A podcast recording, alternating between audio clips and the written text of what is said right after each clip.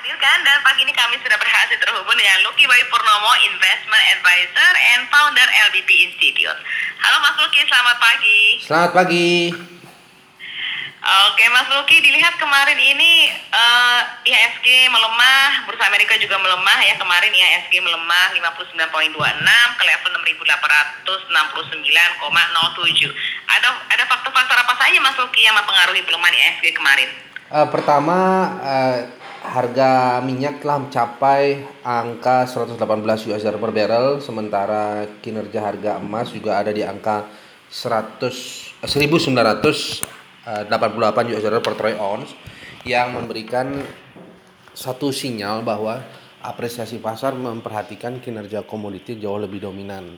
Selain memang karena uh, kinerja komoditi masih didominasi dengan uh, potensi adanya kenaikan harga minyak uh, mentah untuk menguji level 125 hingga 128 US dollar per barrel. Nah, untuk itu pasar saya kira masih melihat likuiditas ada di pasar komoditi dibandingkan pasar saham. Nah, untuk itu eh, pelemahan itu menjadi sesuatu yang wajar, tetapi sekali lagi bahwa ini akan bersifat uh, temporer atau jangka pendek oleh karena uh, pasar memperhatikan uh, kinerja instrumen lainnya, terutama uh, pasar uang, bukan hanya komoditi dan pasar saham. Untuk itu, uh, kinerja dolar indeks yang kita perhatikan dalam satu minggu terakhir berada di kisaran angka 97 hingga 98 uh, poin itu menjadi salah satu sinyal bahwa pasar saat ini dalam likuiditas yang relatif tinggi. Hmm.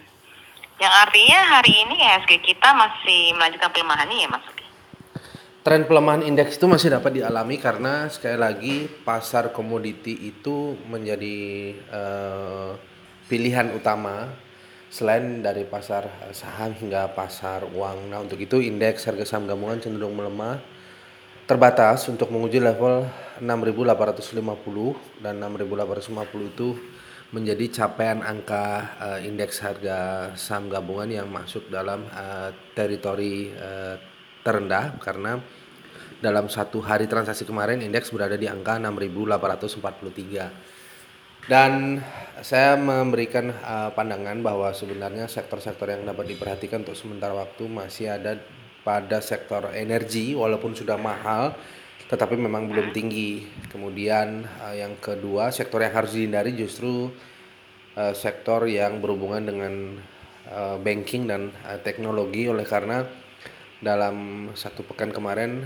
uh, pelemahan yang ada di sektor uh, perbankan dan teknologi itu ada dalam posisi yang paling rendah sementara yang tertinggi ada di sektor uh, energi dan kita bisa lihat apresiasi pasar masih memperhatikan kinerja perusahaan-perusahaan atau emiten seperti Medco, kemudian PTBA, Antam, Tins.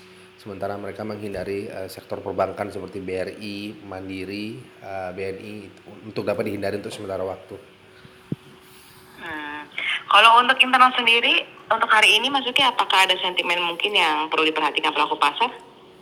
Justru saya melihat uh, kinerja Dow Futures uh, itu dapat memberikan satu trigger atau satu pemicu kemudian Nasdaq dan uh, S&P Futures di mana Futures Index per awal uh, hari ini uh, Dow Futures sudah dibuka menguat uh, 103 poin atau 0,31 persen diikuti dengan indeks-indeks lainnya. Nah ini akan menjadi salah satu trigger untuk sesi kedua uh, sesi kedua ketika regional Asia nanti memperoleh apresiasi justru indeks pada sesi kedua cenderung mengalami reversal atau perbalikan arah dengan target di angka 6880 walaupun tipis tetapi uh, potensi reversal itu sangat diharapkan oleh pelaku pasar karena tetap untuk pertengahan uh, hingga pertengahan tahun ini target indeks dalam jangka menengah hingga tetap ada di angka 7000